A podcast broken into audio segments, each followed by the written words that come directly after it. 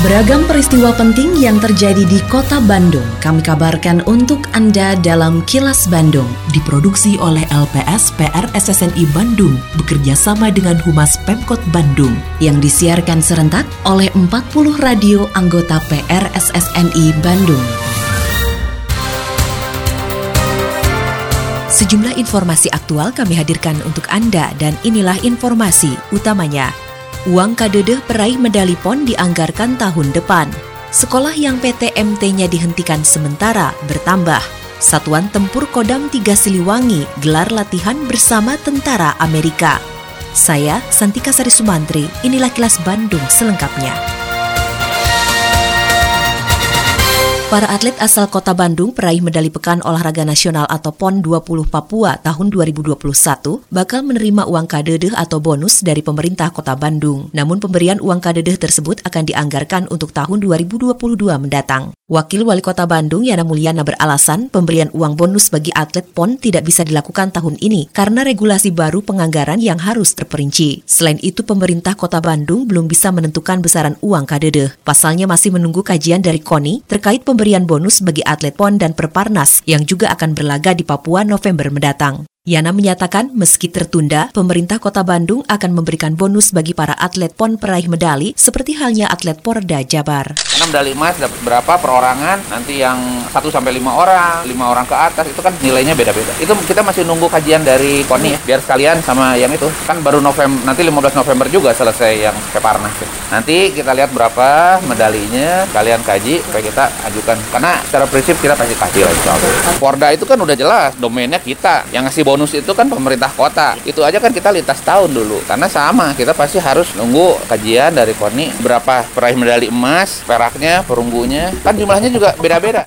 Jumlah sekolah di Kota Bandung yang pembelajaran tetap muka terbatas atau PTMT-nya dihentikan sementara bertambah menjadi 22 sekolah. Penghentian sementara PTMT dilakukan karena bertambahnya kasus positif COVID-19 berdasarkan hasil swab tes acak PCR di sekolah yang menjadi sampel. Sekretaris Dinas Pendidikan Kota Bandung, Cucu Saputra, mengatakan swab tes acak sudah dilakukan di 157 dari 212 sekolah sasaran dengan jumlah sampel yang sudah diambil mencapai 5.993. Cucu mengatakan dari 3.530 sampel yang sudah diperiksa, ditemukan 117 sampel positif COVID-19 yang terdiri dari siswa dan guru, sehingga langsung melakukan isolasi mandiri. Sekolah PTMT-nya yang dihentikan sementara harus kembali menggelar pembelajaran jarak jauh atau PJJ. Jumlah sampel yang diperiksa sudah mencapai 5.993. Jumlah yang sudah keluar hasilnya mencapai 3.530. Hasil positif 117 orang. Artinya apa yang positif diangkat 3 persen. Dari 117 yang positif, 105 orang siswa. Sedangkan gurunya ada 12. Jumlah sekolah yang positif yang di atas 5 persen ada 22 sekolah. Jadi 22 sekolah itu dihentikan PTM-nya. Kepala Dinas Kesehatan Kota Bandung, Ahyani Raksanegara mengakui adanya penambahan kasus COVID-19 dari hasil swab tes acak di lingkungan sekolah yang menggelar pembelajaran tatap muka terbatas atau PTMT. Menurut Ahyani, berdasarkan hasil swab tes acak yang sudah dilakukan terhadap 157 sekolah yang menjadi sasaran, ditemukan 3 persen sampel positif COVID-19. Meski terjadi penambahan kasus, Ahyani mengatakan total kesembuhan mencapai 96 persen lebih atau di atas rata-rata nasional dan tingkat keterisian tempat tidur pasien COVID-19 atau BOR di angka 5 persen, sehingga masih dinilai terkendali. Menurut Ahyani, ditemukannya sampel positif COVID-19 berdasarkan swab tes acak PTMT menunjukkan bahwa penyebaran masih terjadi dan pandemi masih ada, sehingga warga diimbau tetap disiplin menerapkan protokol kesehatan. Di Jawa Barat ini ada dua yang ditunjuk, Kota Bandung dan Kota Bogor, untuk melakukan pemeriksaan aktif di minimal 10% sekolah yang sudah buka. Kita rencana memeriksa di 212 sekolah, sekarang sudah sekitar 157. Sampel yang diambil sudah lebih dari 5.000. Itu ada yang positifnya 3 persenan gitu ya, tersebar di beberapa sekolah dan yang di atas 5 persennya itu 22 sekolah. Jadi sebetulnya itu merupakan penambahan-penambahan dari surveillance aktif. Akan tetapi dengan demikian menunjukkan bahwa penyebaran masih berjalan, pandemi masih berlangsung, maka semua harus berhati-hati tetap dengan protokol kesehatan. Assalamualaikum warahmatullahi wabarakatuh, Sampurasun. Saya Kenny Dewi Kaniasari, Kepala Dinas Kebudayaan dan Pariwisata Kota Bandung, menginformasikan kepada Mitra Pariwisata Kota Bandung bahwa berdasarkan Peraturan Wali Kota Bandung Nomor 102 Tahun 2021 tentang perubahan ke-6 atas Perwal Nomor 83 Tahun 2021 tentang pemberlakuan pembatasan kegiatan masyarakat level 3 di Kota Bandung dalam melakukan kunjungan ke beberapa tempat seperti hotel, lokasi wisata, pusat perbelanjaan, sarana olahraga, hingga bioskop, diperlukan akses masuk dengan menggunakan aplikasi Peduli Lindungi. Adapun beberapa perubahan yang terjadi pada beberapa sektor pariwisata seperti hotel, pembatasan tamu paling banyak 50% dari kapasitas jumlah kamar. Kegiatan meeting, insentif, conferencing, dan exhibition yang dilakukan di ruang pertemuan dan ballroom hotel diperbolehkan dengan ketentuan paling banyak 50% tamu atau pengunjung dari kapasitas ruangan. Pengunjung dengan usia di bawah 12 tahun harus menunjukkan hasil negatif antigen H-1 atau PCR H-2. Penyediaan makanan dan minuman pada kegiatan MICE disajikan dalam box dan tidak ada hidangan prasmanan. Hotel sudah dapat membuka gym dengan kapasitas paling banyak 50%. Ayo bersama-sama melaksanakan protokol kesehatan dengan disiplin. Iklan layanan masyarakat ini dipersembahkan oleh Dinas Kebudayaan dan Pariwisata Kota Bandung.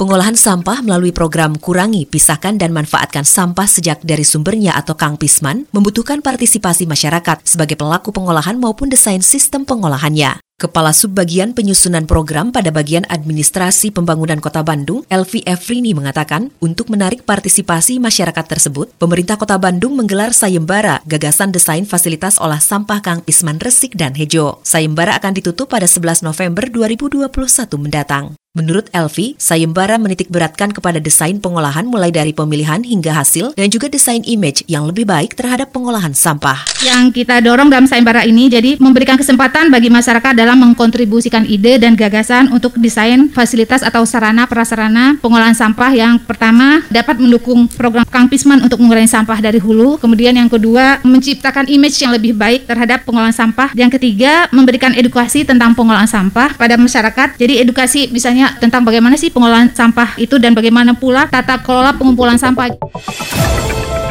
Assalamualaikum warahmatullahi wabarakatuh. Sampurasun, warga kota Bandung yang saya hormati dan saya cintai. Saya Tono Rusdiantono, Kepala Dinas Sosial Kota Bandung menghimbau kepada seluruh warga kota Bandung Para wisatawan dan para pengguna jalan Untuk tidak memberikan uang atau sedekah kepada pemerlu pelayanan sejahteraan sosial atau PPKS Di antaranya anak jalanan, gelandangan, dan pengemis Karena mengganggu ketertiban umum dan kelancaran arus lalu lintas. Selain itu, saya juga meminta kepada seluruh warga kota Bandung untuk tidak menggalang dana atau meminta sumbangan di tengah jalan dengan dalih apa pun, terlebih kegiatan itu tanpa mengantongi izin resmi dari Dinas Sosial Kota Bandung. Apabila Anda menemukan adanya PPKS maupun penggalangan dana, diminta partisipasinya untuk melaporkan hal tersebut kepada Dinas Sosial Kota Bandung. Salurkan donasi Anda hanya melalui lembaga resmi. Wassalamualaikum warahmatullahi wabarakatuh. Kini, audio podcast siaran Kilas Bandung dan berbagai informasi menarik lainnya bisa Anda akses di laman kilasbandungnews.com.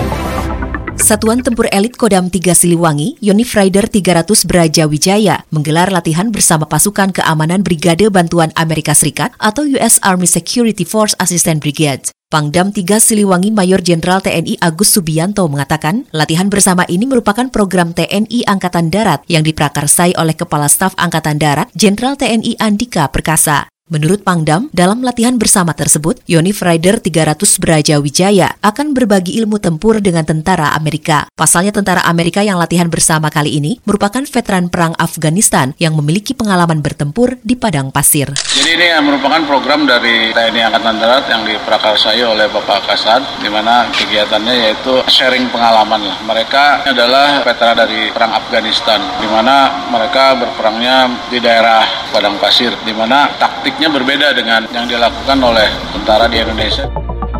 Tetap patuhi protokol kesehatan di masa adaptasi kebiasaan baru untuk memutus penyebaran COVID-19. Selalu memakai masker, mencuci tangan, menjaga jarak dan menghindari kerumunan, serta mengurangi mobilitas agar terhindar dari terpapar virus corona. Terima kasih Anda telah menyimak Kilas Bandung bekerja sama dengan Humas Pemerintah Kota Bandung yang diproduksi oleh LPSPR SSNI Bandung.